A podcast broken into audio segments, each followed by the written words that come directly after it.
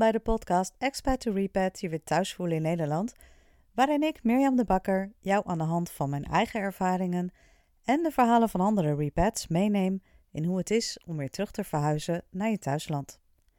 Voor sommigen is het alsof je nooit bent weg geweest. Je pakt je favoriete vintage winterjas achteruit de kast en hij past nog precies. Maar voor velen is met name de eerste periode lastiger dan je van tevoren had bedacht. Want in de tijd dat je weg was, is Nederland veranderd, ben jij veranderd en dus voel je je misschien niet meteen weer helemaal thuis hier. Verwarrend, want je komt hier toch vandaan, je spreekt de taal, hebt hier familie, vrienden, een baan. Dus waar ligt het dan aan? En veel belangrijker, wat kun je doen om je snel weer thuis te voelen, om je plek weer te vinden? Ik praat hierover met andere repats, deel inzichten, tips en ervaringen met je. Eigenlijk alles wat ik zelf graag van tevoren had willen weten. Zodat jouw terug naar Nederland reis sneller en fijner verloopt dan de mijne.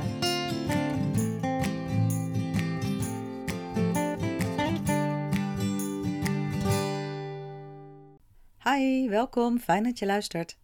In deze aflevering begin ik eigenlijk aan een serie van, uh, van vier. Want ik ben weer thuis in Nederland. Ik voel me ook echt weer thuis.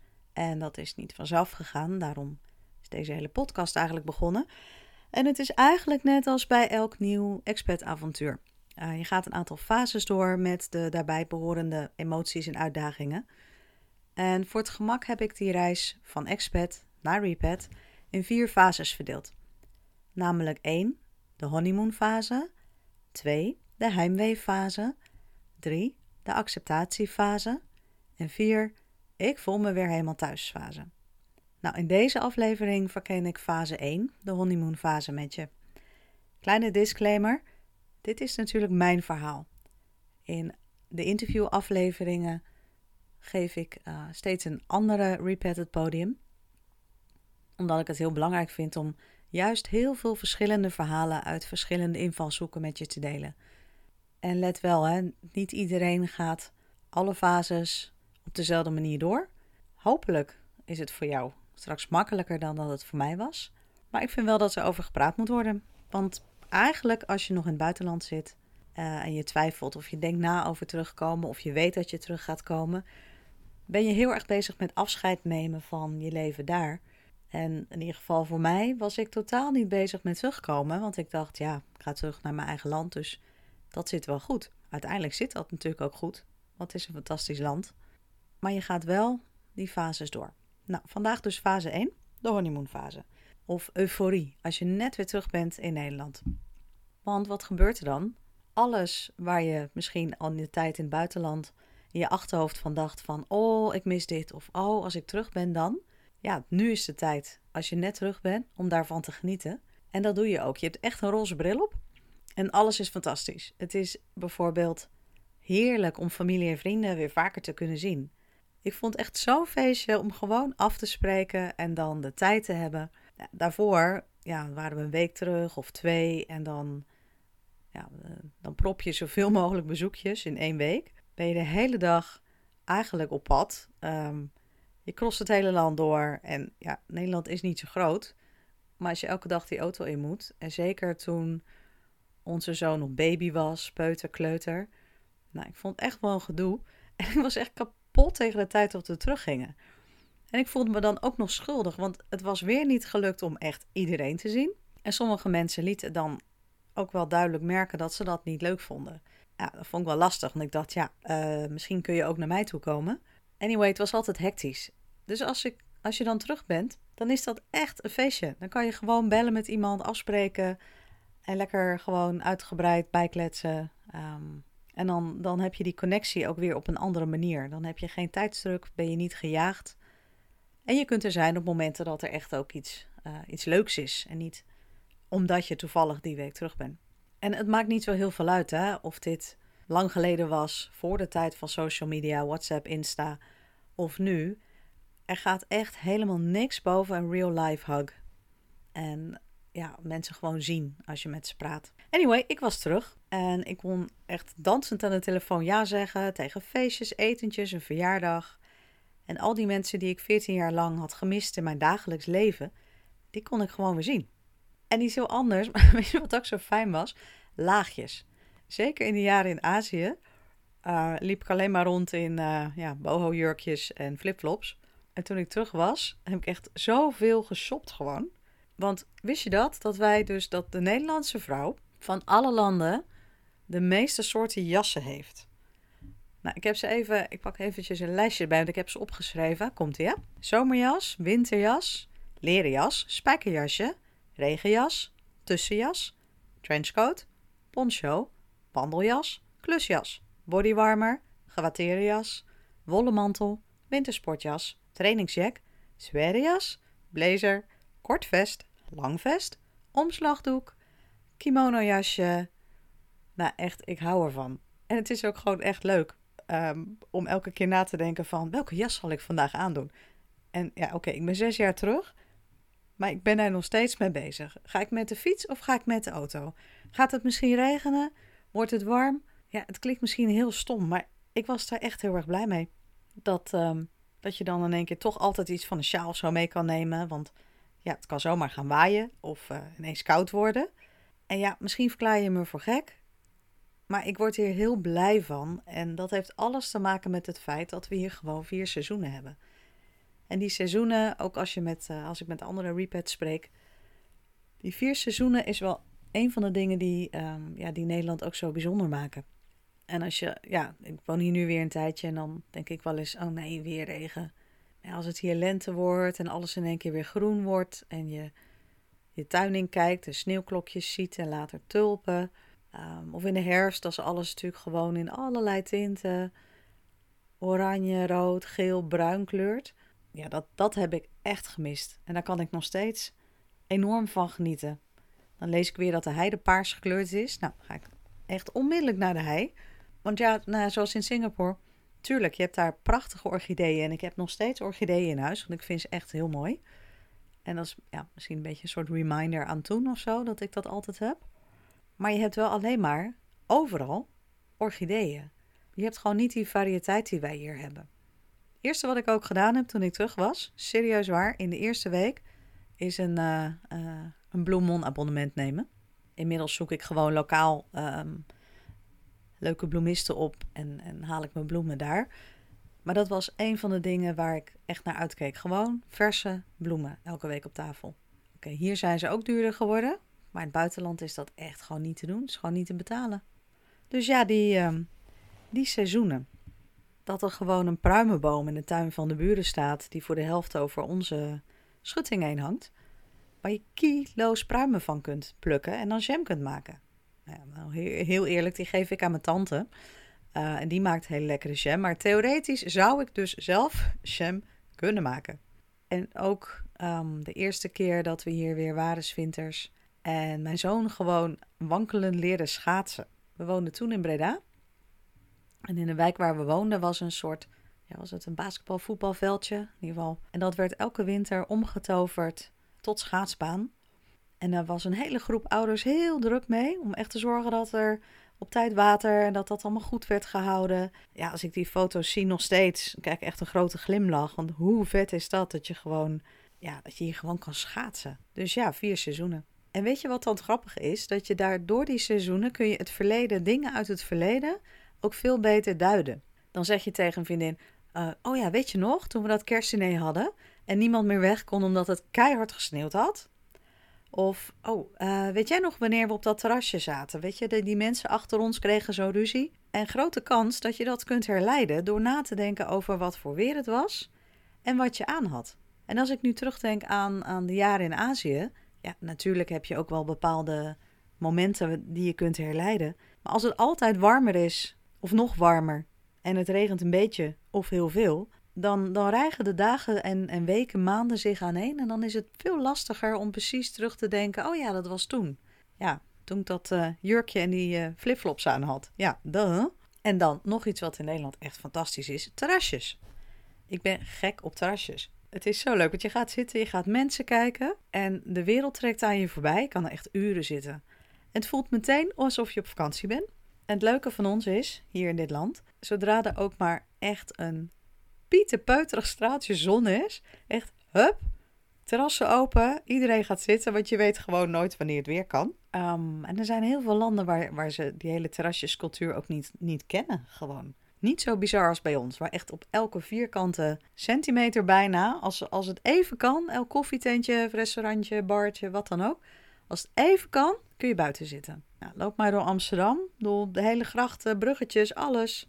Als het even kan, is er een terras. Nou, dat is gewoon leuk. En wat ook echt fantastisch is, is fietsen. En voor kinderen is dat natuurlijk helemaal een feest, want ze mogen gewoon op de fiets helemaal zelf naar school of bij iemand in de wijk thuis gaan spelen of naar het centrum om uh, een terrasje te pakken of ze fietsen met elkaar ergens heen en ze gaan uit. Het is de ultieme vrijheid. En voor mij ook. Als je ergens naartoe wil in de buurt, pak je de fiets. En iedereen fietst en er zijn overal fietspaden en het is veilig. Want als je hier op de fiets bent, dan, dan ben je wel een soort van heer en meester van het verkeer. En dat niet fietsen, dat, ja, ik vond dat wel een, ehm, ik vond dat wel een dingetje. Zelfs in Engeland, hè. Bedoel, Londen is, uh, een mooie stad. En dat kan van alles, maar fietsen is echt levensgevaarlijk. En ook buiten Londen op heel veel landweggetjes. Nou, sowieso zijn niet alle wegen even goed onderhouden. Dus het is ook gevaarlijk, want er zitten overal gaten en zo. Maar er is gewoon niet op gerekend op fietsers. Ze zijn er niet op ingesteld. Wel op mountainbikers, op trails in het weekend, maar niet op dagelijks fietsen. Het is natuurlijk ook veel heuvelachtiger, het is een ander landschap. Maar dat betekende dat je als, als ouder bezig was met als je kind een playdate had. Ten eerste was het alles ver van elkaar, want wij gingen dan naar een internationale school. Op je schoolbussen en die regio daaromheen zeg maar, dat is best groot. Dus ja, de grote kans dat, uh, dat je een playdate had voor je kind. Dat hij dan wel mee kon met de schoolbus uit school naar dat vriendje toe. Maar dat je nou rustig drie kwartier in de auto zat om hem weer op te halen. Ja, en het duurde dus ook veel langer. Kinderen waren pas veel ouder uh, in staat om met de bus naar uh, een winkelcentrum of zo te gaan. Dus als we dan in Nederland waren, ook in de zomer, dan het eerste wat, we, wat we deden was hup op de fiets. En dan ben je terug in Nederland. En dan kan je ook heel erg waarderen dat alles hier zo ontzettend goed geregeld is. Want waar je ook komt, welke instantie je ook belt, yes, ze verstaan je, want jij praat Nederlands en zij ook. Of ze je begrijpen is dan weer een ander verhaal, maar het scheelt zoveel als je gewoon je verhaal kan doen en gewoon weet ook, als ik een rijbewijs nodig heb, maak ik een afspraak met de gemeente, lever mijn formulieren in en een paar dagen later kan ik hem gewoon weer ophalen. Het is efficiënt, het is goed geregeld ja, probeer in Japan maar eens uh, te bellen en uit te leggen dat je kraan lekt en je loodgieter nodig hebt. Nou, dat is echt niet te doen. Dus het is ook gewoon heel fijn dat je je eigen taal weer kunt spreken. Want ook nuances, ook als je um, bijvoorbeeld met een arts een gesprek moet voeren over iets. Het is allemaal net wat makkelijker als je precies begrijpt van elkaar wat, wat de ander zegt. En natuurlijk, hè, ik zeg alles is goed geregeld, maar als je in de wacht staat bij je energieleverancier, kan dat enorm frustrerend zijn. Maar ook dan, ik snap in ieder geval wat. Wilt u meer weten over toets 1 betekent? Dus uiteindelijk vind ik wel mijn weg. En dat scheelt echt een hoop frustratie. Want je weet waar je, ja, waar je op kan, kan, uh, kan rekenen. En als je de trein of de bus nodig hebt en er staat dat hij om drie minuten over acht komt, dan is dat zo. Dan sta je niet, zoals in Rome, drie kwartier te wachten en komt de bus nog niet. Dus ja, die efficiëntie en dat goed geregelde, dat scheelt soms ook gewoon heel veel stress. Want je dag is gewoon beter te plannen en in te delen. En sowieso denk ik dat um, een tijd weggaan je ook weer de ogen opent over hoe fijn dit land is. Hoe blij je kunt zijn als je wieg hier heeft gestaan of als je hier van dit land je thuis uh, hebt kunnen maken. En dat meen ik echt oprecht. Tuurlijk, er kunnen altijd dingen beter. Maar ik heb soms wel moeite met de hoeveelheid geklaag over dingen waarvan ik denk: mensen, elk kind in dit land heeft recht op onderwijs. We hebben goede gezondheidszorg. Loop een supermarkt in, je kunt kiezen uit 16 soorten yoghurt. nou vind ik daar ook wel wat van hoor, dat er 16 soorten yoghurt zijn. Maar ik zit vandaag in de honeymoon fase, dus de, nou, kom ik nog wel een keer op terug in een andere fase. Maar we hebben het allemaal hier. En nee, het is niet altijd eerlijk verdeeld. En er is armoede. En er zijn heel veel mensen in Nederland ook die het slecht hebben. Ik ben niet blind, ik ben niet gek. Er zijn echt dingen die beter moeten. Maar toch, als je dan gewoond hebt in een land waar voor best een groot deel van de bevolking geldt. En dat is echt op meer plekken dan je denkt, hè? Nou, het is nu 45 graden. maar de elektriciteit valt uit. Dan heb je dus geen vennetje voor een beetje verkoeling. En je baby ligt daar gewoon dus wel in, hè? In die 45 graden stikkende hitte. En er is geen vers water. Maar als je je baantje wil houden, zal je toch schoon en uitgerust op je werk moeten verschijnen. En wat te denken van gezondheidszorg.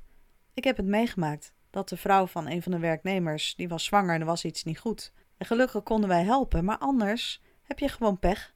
Want een keizersnee is zo duur dat dat dan geen optie is. En dat is iets wat ik me gewoon hier niet kan voorstellen. En sowieso dat je daar als meisje of vrouw geen zeggenschap hebt over hoe je leven gaat verlopen, omdat de cultuur zo anders is.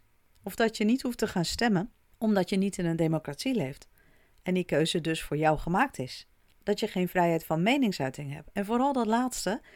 Hier in Nederland mag je schrijven wat je wil, mag je protesteren, mag je mee bepalen wie er in de regering komt. En die vrijheid, die nemen we misschien toch wel ja, vaak voor lief. Maar, en ik denk dat, dat heel veel mensen dat wel herkennen. Als je ergens anders gewoond hebt, besef je echt dat dit land ontzettend veel ja, goede dingen heeft. En als je dan weer net terug bent, dan, uh, ja, dan waardeer je dat extra. Inmiddels zoveel jaar verder klaag ik ook af en toe hoor. Maar die, die waardering en uh, ja, je ontdekt opnieuw waarom je Nederlander bent. En dat je daar gewoon heel erg trots op kunt zijn. En dan zijn er al die kleine dingetjes die je gewoon alleen maar hier hebt. Een bepaalde geur of smaak, een, een liedje. Ja, wat onmiddellijk een herinnering oproept. Aan het huis van je oma of aan de studententijd, aan de camping waar je altijd stond. Het is dus ook niet voor niks hè, dat de vraag wat mis je uit Nederland komt bijna standaard het antwoord de HEMA. Dat is niet voor niks. Dat is gewoon omdat dat zo Hollands is. Omdat dat, ja, ik hou niet eens van rookworst. Maar toch, hè? de HEMA is rookworst. De HEMA is een rompertje voor mijn baby. En dat, dat is iets van thuis. En dat is dan toch iets waar je, ja, waar je heel blij van kan worden. En als ik het dan heb over smaak. Ik had bijvoorbeeld met een, uh, een Engelse vriendin deden we een keer een swap. Zij kreeg een handje zoute drop. Ik moest toast met Marmite eten. Nou, als je niet weet wat Marmite is, hou er zo. Het is een of andere ja, smurrie. Het is geen jam, het is geen chutney, het is... Uh, ik weet niet wat het is. Het is Marmite. Nou, het is echt te smerig voor woorden, vind ik. Maar dat vond zij van mijn handje drop ook. En daarna schoot we heel in de lach. Maar het is wel een bevestiging van sommige dingen, als dat niet in je DNA zit, als dat niet iets is waar je mee opgroeit, ga je het misschien nooit echt lekker vinden. Maar al die dingen bij elkaar, dat maakt wel dat als je hier terug bent, dat je wel zo'n gevoel hebt van: oh ja, hier kom ik vandaan, hier hoor ik. En dat is echt een lekker gevoel. Nou ja, en ja, last but not least is Nederland gewoon heel mooi. Wordt niet voor niks bezongen en bejubeld in honderdduizend liedjes. Het is wel waar. We hebben een land met een prachtige kustlijn, met heide, bossen, allerlei soorten water. Dat bevriest in de winter, hoe gaaf. Uh, weilanden, slootjes, ontzettend veel koeien, schapen, bloemen. Ja, het is een, een vlak land, maar ja, er is wel echt heel veel afwisseling. We hebben wereldse architectuur, Rotterdam bijvoorbeeld. We hebben unieke grachtenpanden. In, in elk dorp heb je een slager en een bakker en een kaaswinkel en een groenteboer. Ook dat is echt wel uniek Nederland. Van terrasjes op elke vrije vierkante meter, van de mooiste wolkenluchten ter wereld, van de beroemde oude meesters, van de allerbeste DJ's, tot natuurlijk ons Hollands design. Ook daar zijn we beroemd op. Van uh, topsporters in heel veel categorieën. En natuurlijk, wij hebben Max Verstappen, major fan hier. En natuurlijk van alles oranje. En ik noemde net Max al, als je dan die, die Grand Prix in Zandvoort ziet en je ziet hoe ongelooflijk ehm, oranje het daar is. En hoe er gefeest wordt en hoe iedereen gewoon blij blijft. Ook in de regen. Ja, dan ben ik trots. En dan denk ik, ja, dit is echt mijn landje. Verder ben ik helemaal niet chauvinistisch hoor. Maar dat dan weer wel. Dus die eerste fase, als je net terug bent, onthoud het. Geniet ervan. Geniet even van alles wat je gemist hebt. En ook van alles waarvan je niet wist dat je het gemist hebt. En hou dat vast. En misschien uh, sla je dan gewoon fase 2 en 3 over. En misschien als je in een volgende aflevering meeluistert naar fase 2 en je zit daar dan middenin, ga je even lekker terug hier naar fase 1. Ga je even terug naar de honeymoon fase en even terug naar wat je zo gemist had aan Nederland en wat hier zo fantastisch is. En dan weet je dat het uiteindelijk allemaal weer goed komt. Een kleine disclaimer, nogmaals, ik ben me ervan bewust dat dit mijn reis is geweest. mijn herinneringen, de dingen die ik fantastisch vind. Ehm, jouw reis is misschien wel heel anders verlopen. En dat is natuurlijk ook helemaal prima. En als je dat wil delen, als je denkt, nou meer, uh, ik heb hier ook wel iets over te vertellen, mail me dan op expat2repad@gmail.com of zoek binnen Facebook naar de community Expat to Repad. Die heb ik ook. Stel je vragen, dan kan ik die ook weer beantwoorden in een volgende aflevering. Connect met andere repads, zeker als je terug bent en je zit er nog even niet zo lekker in. Het helpt om, om te lezen dat je niet de enige bent. En ik vind het gewoon heel leuk om van je te horen, want ik sta hier een beetje, sta, ik zit, heerlijk, in die microfoon te kletsen. Maar ik doe dit omdat ik graag verhalen wil delen en ik doe dit omdat uh, ik hoop dat mensen er wat aan hebben. Dus laat het me weten. Mij, Mirjam de Bakker, kun je vinden onder mijn eigen naam of onder M Studio Base op LinkedIn en Instagram. Voor nu uh, ben ik denk ik wel even uitgepraat over de honeymoonfase. Heb je hier nog iets aan toe te voegen? Echt laat het me weten, want dat vind ik hartstikke leuk. En dan hoor ik je weer uh, in een volgende aflevering. Dan gaan we verder met fase 2. Fijne dag!